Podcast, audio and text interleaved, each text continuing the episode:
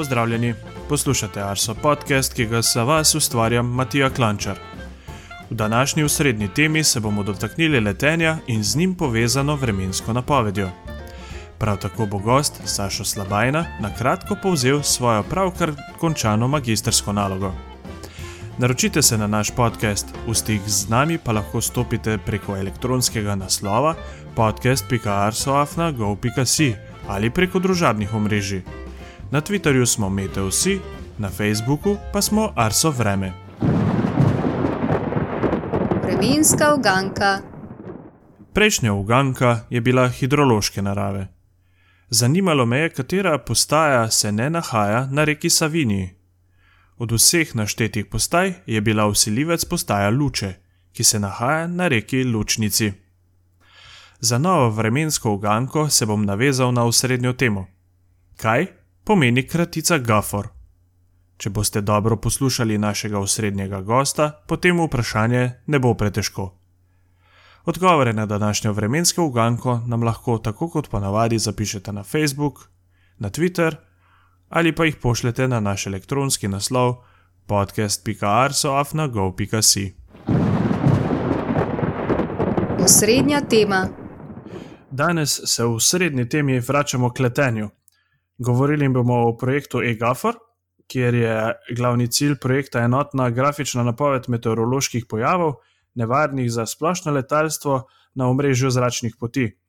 Uh, nekaj več pa nam bo o tem projektu razložil Sašo Slabajna. Uh, lep pozdrav, Sašo. Živijo, lep pozdrav. Uh, če zagrizeva kar v projekt, kako je sploh nastala ideja o tem projektu, če lahko malo razložiš? Ja, v bistvu, kot vemo, ne, je letalstvo v bistvu vremensko zelo občutljiva panoga, še posebej pa to splošno letalstvo, ne, kjer je predvsem športnega letenja iz leta v leto več. In problem je, da s temi mehkimi letali pogosto upravljajo tudi ne dovolj izkušeni piloti. Ne. Um, Hkrati so ta letala tudi slabše opremljena v primerjavi s komercialno aviacijo, pa letijo tudi v nižjih slojih ozračja, se pravi v tem najnevarnejšem delu atmosfere. Naslednja težava je pa ta, da vsaka država izdaja v bistvu različne meteorološke produkte za letalstvo, te imajo pa veljavnost samo za območje znotraj teh državnih meja. Ne.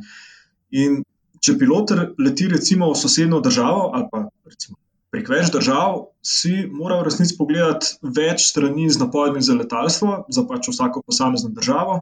Te napovedi, sploh v teh obmejnih območjih, niso nujno usklajene uh, med seboj. Ne. Kot vemo, vreme samo po sebi ne pozna teh političnih meja, ne. Pač se ne bo kar spremenil na, uh, na državni meji.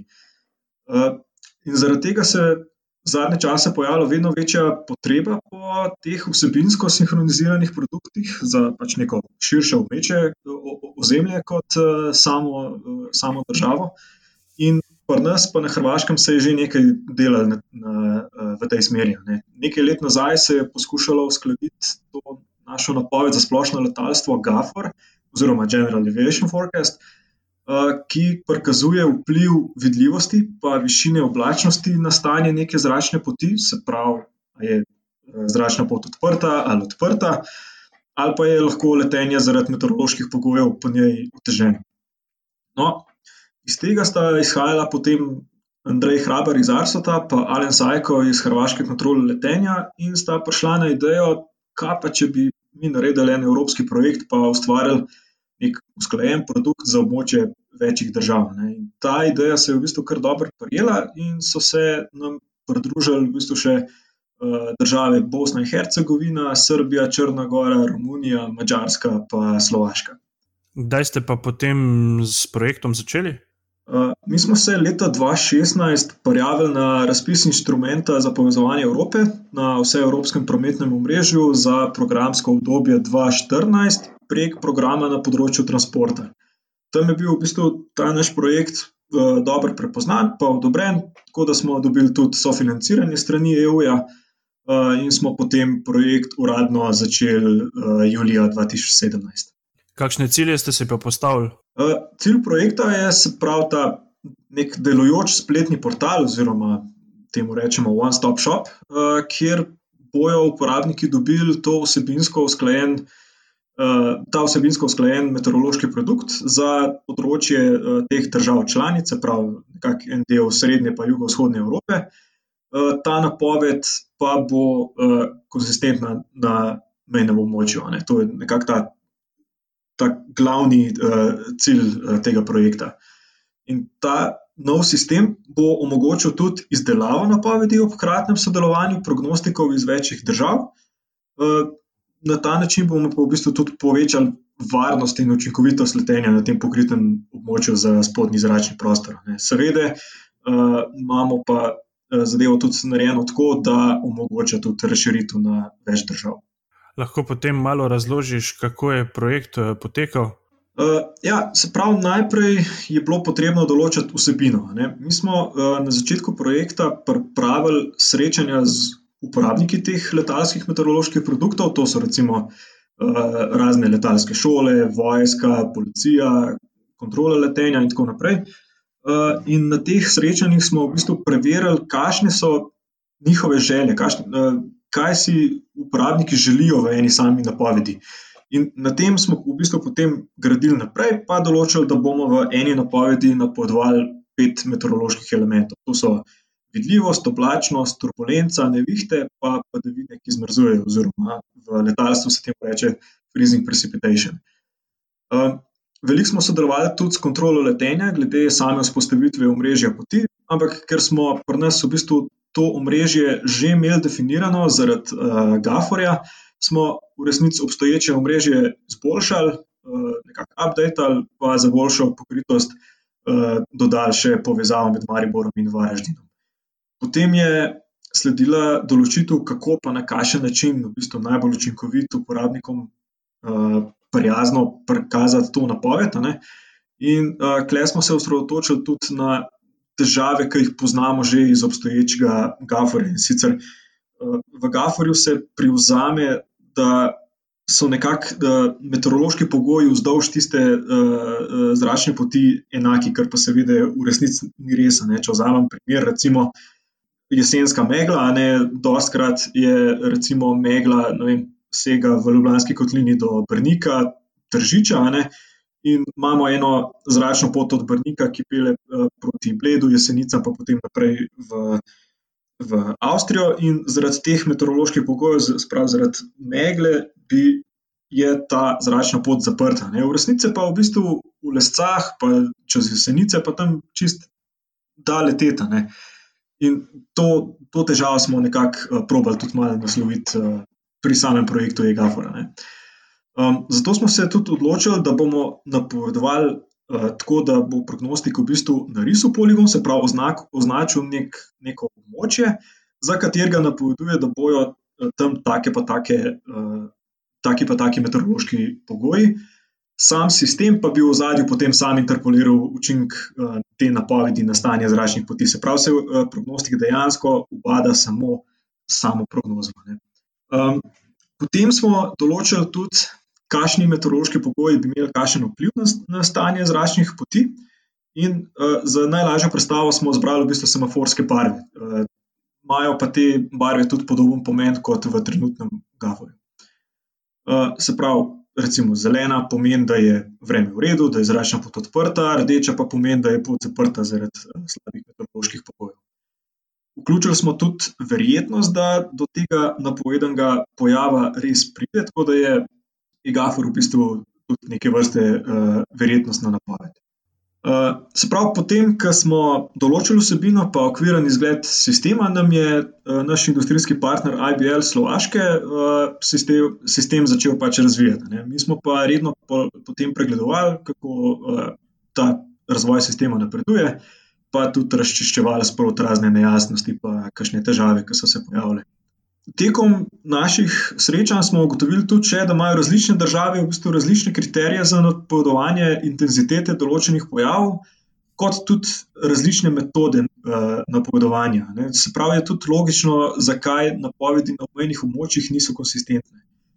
V ta namen smo uh, izdelali nekakšen priročnik za napovedovanje meteoroloških elementov v EGAFOR, ki smo ga uh, z vsemi partnerji projekta uskladili to pa v bistvu pripomoglo k taki bolj enotni napovedi, ker bodo prognostiki dejansko izdali napovedi po nekih usklajenih kriterijih. Na koncu smo pa pripravili tudi usposabljanje letalskih meteorologov, da bojo pač znali uporabljati uh, ta sistem EGAFOR. Na nacionalnem nivoju smo to že izvedli, ker so pač COVID razmere to dopuščale. Um, za skupno usposabljanje prognostikov vseh držav članic, pa zaradi razrednih izmer, uh, se pač ga še ni izvedlo. Klej bi radi, v bistvu, mi prognostike usposobili v te hkratni pripravi enotne napovedi, uh, pa da pač tudi uh, znajo sodelovati uh, s prognostiki drugih držav ker pač na, na tak način bi se prognostiki med sabo večkrat spoznali, spoznali, kako razmišljajo uh, prognostiki drugih držav, kako razmišljajo v pač različnih vremenskih situacijah. Ne.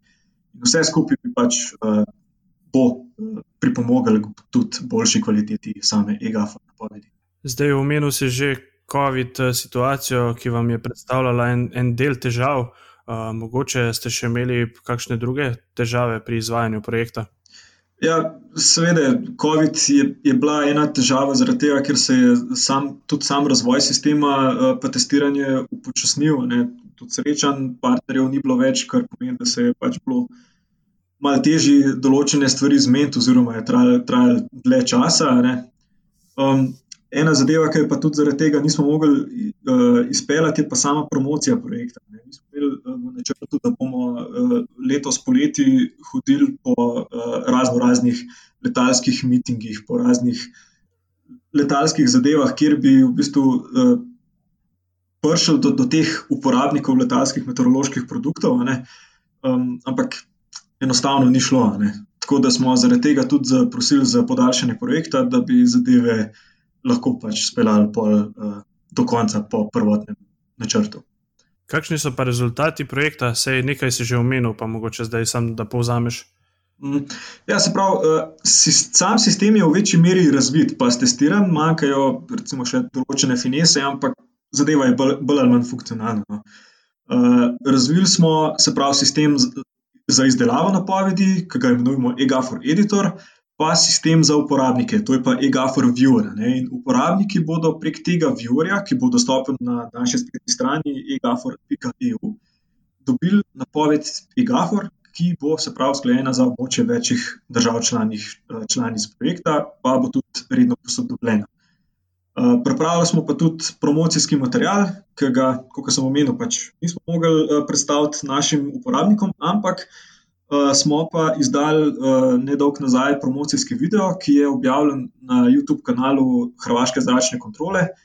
Delili smo ga pa tudi mi na Twitter in Facebook profilu Arso Breme. In potem, ko bo zadeva operativna, bomo zdali tudi video z navodili, kako e-gafor uporabljati, pa kako napoved zinterpretirati. Eh, ja, bomo tudi ob tem podkastu zraven dodali linke do tega YouTube posnetka, eh, ki sem si ga tudi sam takrat ogledal, ko ste ga eh, objavili. Mogoče zdaj omenil si, da bo produkt operativen. Kdaj se bo to zgodilo? V bistvu delamo še na tem, da, da bo operativen. Trenutno se trudimo, da bi produkt zaživel kot modul znotraj UMETNETA. In zaenkrat kaže, da bi lahko bil na voljo uporabnikom že nekje od 21. maja 2021 dalje. Uh, boste območje pokritosti tudi kaj razširili, omenijo si drugače te partnerje, s katerimi sodelujete, kaj predvidevate v prihodnje, mogoče tudi? Ja, želja definitivno je, da bi se nekako tudi uh, sosednje države priključile e-gaforju in nekaj interesa zagotovo je. Uh, vsaj glede na pozitivne odzive, ki smo jih dobili na raznih konferencah in podobnih srečanjih, kjer smo eh, naš projekt predstavljali. Tako da ja, upamo, da se zadeva čim bolj razširi v, v prihodnje. No. Super, najlepša hvala, Saša, za, za predstavitev tega zanimivega projekta. Pa verjamem, da bo tudi uh, našim poslušalcem enako zanimiv. hvala. V letošnjem letu je na meteorološki smeri Fakultete za matematiko in fiziko Univerze v Ljubljani diplomiralo oziroma magistriralo nekaj kolegov. Kratke povzetke njihovih zanimivih nalog bomo predstavili tudi v naslednjih epizodah Arso podcasta. Prvi povzetek bo predstavil kar današnji gost v srednje teme, Sašo Slabajna. Sašo, še enkrat zdravo. Uh, najti v, imenu, uh, v svojem imenu in pa v imenu ekipe Arso Podcast. Čestitam za uspešno upravljen magisterij. Zdaj me pa zanima, če lahko deliš tudi z našimi poslušalci, s čim si se ukvarjal v svoji temi. Uh, hvala. Uh, zdaj, naslov moje magistrske naloge je bil kategorizacija konvektivnih oblakov močnega vertikalnega razvoja iz radarskih meritev. Uh, nalogo sem pa pripravil pod mentorstvom docenta dr. Gregorja Skoka, pa so mentorstvom Greja Hraberja. Je mogoče kakšen poseben razlog, da si se ukvarjal ravno s konvekcijo praktično? Glede na to, da sem bolj letalske sorte, sem si želel tudi magistrsko nalogo upravljati nekako na temo letalske meteorologije. Jaz sam nisem hotel delati z neko strašno teorijo, ampak sem raje hotel delati z nečim, kar bi imelo neko praktično vrednost, kar bi se mogoče nekoč uporabil tudi v bolj operativnem smislu, ali pa da bi uh, ta zadeva vsaj delovala kot neka zasnova za, uh, za to. Ne. In sem v ta namen se povezal z Andrejem Hraberjem, ki je letalski meteorolog, prognostik in inštruktor, pa vodja sektorja za meteorološke, hidrološke in oceanografske napovedi na Arsotu. Uh, in mi je, glede na to, da je zadnje čase v svetu prisoten nek trend avtomatizacije procesov, kamor spadajo tudi uh, meteorološka opazovanja, predlagal temo nekako v tej smeri. In sicer na, na letališču Jožeta Pučnika Ljubljana je sicer precejšen del opazovanj že avtomatiziran, naprimer, to so meritve vidljivosti, temperature, tlaka, baze oblačnosti in tako naprej. Metode za samodejno zaznavanje konvekcije, ki je pa zaradi spremljajočih pojavov izredno nevarna za zrakoplove, predvsem v fazi vzleta in pristanka, pa pri nas še niso bile razvite. Ne. Zato je bila tudi ideja nekako razviti eno takšno metodo. Lahko mogoče zdaj na kratko povzameš svoje delo, oziroma predvsem predstaviš, uh, do kakšnih rezultatov si se dokopal. Ja, se pravi, uh, plan je bil na podlagi statistične analize nekega obdobja podatkov, pa uporabo enega algoritma za identifikacijo objektov, določiti neke optimalne parametre, ki bi učinkovito zaznavali konvekcijo, oziroma eh, bolj natančno sem se ukvarjal eh, s kumulonimbusnimi oblaki in stolpičastimi kumulusi, ki so pač eh, vertikalno močno razviti. In za podatke sem vzel radarske meritve. Zdaj, zakaj ravno radarske meritve? Pri konvekciji govorimo o vertikalnih gibanjih zraka, to pa pri dolgo, dovolj dolgotrajnem dviganju pomeni, da pride do kondenzacije vodne pare v oblačne delce, posledično tudi eh, lahko močno vertikalno razvitih oblakov, lahko pa tudi do padavin. Te hidrometeorije, kot pravimo uh, tem delcem iz vode, pa uh, opazujemo z meteorološkimi radarji. Pri identifikaciji objektov sem upošteval recimo samo območja radarske odbojnosti, ki so presegala določen prak, to je prvi parameter optimizacije. Druga dva parametra pa sta opisovala vertikalno strukturo tega zaznanega konvektivnega objekta. In sicer določil sem višinsko razliko med točkama v zaznanem objektu, kjer je ta meritev presegla nek prak radarske odbojnosti. Se pravi, ta dodaten prak radarske odbojnosti je drugi parameter, višinska razlika pa tretji parameter. Za verifikacijo sem uporabil meteorološka poročila, ker so v njih pač zapisani pojavi eh, teh kumulonimbusov in stolpičastih kumulusov. Analizo pa sem upravil na obdobju 2018 do 2019 za mesece maj do septembra, se pravi za mesece, ko je konvektivne aktivnosti največ. Um, s testiranjem različnih kombinacij teh preomenjenih treh parametrov sem pol določil nekako najbolj uspešne kombinacije, ki so pri kumulonimusnih oblakih Eh, zadevo kategorizirale z okrog 56 odstotkov uspešnostjo, stolpičaste kumuluse pa z okrog 39 odstotkov uspešnostjo. Um, uspešnost zaznavanja obeh tipov oblaka je pokazala približno 50 odstotkov uspešnost, potem sem pa na koncu še naredil nekakšno neodvisno analizo, se pravi na nekem čist uh, neodvisnem setu podatkov, to je uh, konektivna sezona uh, leta 2020. Sem uspešnost metode preizkusil še pač tukaj. Se pravi, sem vzel te svoje optimalne parametre, ki sem jih prej izračunal, in dobil nekako 43-odstotno uspešnost. Zdaj, kar se tiče operativne uporabnosti, je samo iz teh rezultatov sicer težko reči, ali je metoda dovolj zrela za umestitev v operativne procese na letališču. V bistvu je tukaj bolj pomembna informacija, ki sem jo tudi sprotno opazoval, število lažnih alarmov in nepravilno zaznanih pojavov. Ker pri varnostno tako občutljivi paniki, kot je letalstvo, je namreč boljš, da metoda pridela recimo večje število lažnih alarmov, se pravi, pilote na nek pojav upozori, kljub temu, da se ta ne zgodi, kot pa da pridela večje število nepravilno zaznanih pojavov, se pravi, da pojava v resnici ne zazna, ampak do njega vseeno pride. Zato sem glede na te opažene številke ocenil, da metoda sicer ni zrela za povsem avtonomno delo, ampak bi lahko služila kot neko dodatno urodje pri odločitvi meteorologa opazovalca.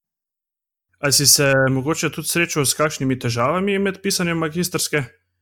Uh, zdaj, nekih večjih težav, sreč ni bilo. Uh, Čisto na začetku sem imel težavo, ker mi je ta algoritem FIT, ki sem ga uporabljal za zaznavanje uh, objektov, zaznaval nekako absurdno veliko število objektov. Ne? Na kar smo z mentorjem potem ugotovila, da je bila težava v resnici v zašumljenosti vhodnih podatkov, kar pa je na koncu pomenilo samo, da sem mogel podatke zglediti, preden sem jih ustavil v algoritem.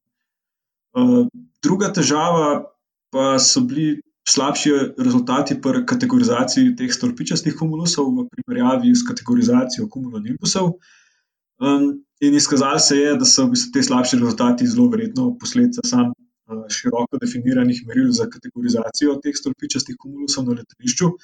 In sicer blag te vrste lahko v nekaterih primerjih vsebuje toliko malo vode, da bi ga radar lahko sploh zaznal. Po drugi strani pa lahko vsebuje tudi toliko visoke radarske odbojnosti, da bi ga pa lahko uh, kategorizirali tudi kot kumulonimbus. Uh, boš mogoče tudi lahko nadaljeval z raziskovanjem na tem področju, ali si zdaj zaključil to poglavje? Uh, trenutno neko nadaljne raziskovanje na tem področju nimam v planu, uh, vem pa, kako bi se zadevo dal nadgraditi. In sicer uh, z uporabo recimo meritev atmosferskih razelektritev bi lažje ločil med obema tipoma oblaka, ker je pri pri kategorizaciji kumulonimusa pogoj tudi prisotnost razelektritve. Druga stvar pa so recimo satelitske meritve, ki lahko poda višino vrhov oblačnosti. Zdaj, kot, eh, če bi upošteval kombinacijo, se pravi, radarskih meritev, pa meritev razelektritev, pa uh, satelitske meritve, ne, bi pa uh, metoda zelo verjetno dala precej boljše rezultate. No. Super, najlepša hvala ti za povzetek, pa še prej za osrednjo temo. Verjamem, drugač, da bomo še kdaj se dobili na, na kakšnem takšnem pogovoru, pa uh, kaj pripravili za naše poslušalce. Super, hvala. Obeti.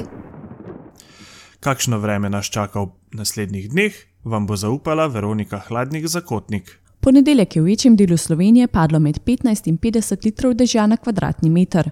Sprva je snežilo nad okoli 1500 metri nad morjem, ob koncu padavin pa se je meja sneženja postopno spustila pod okoli 800 metrov.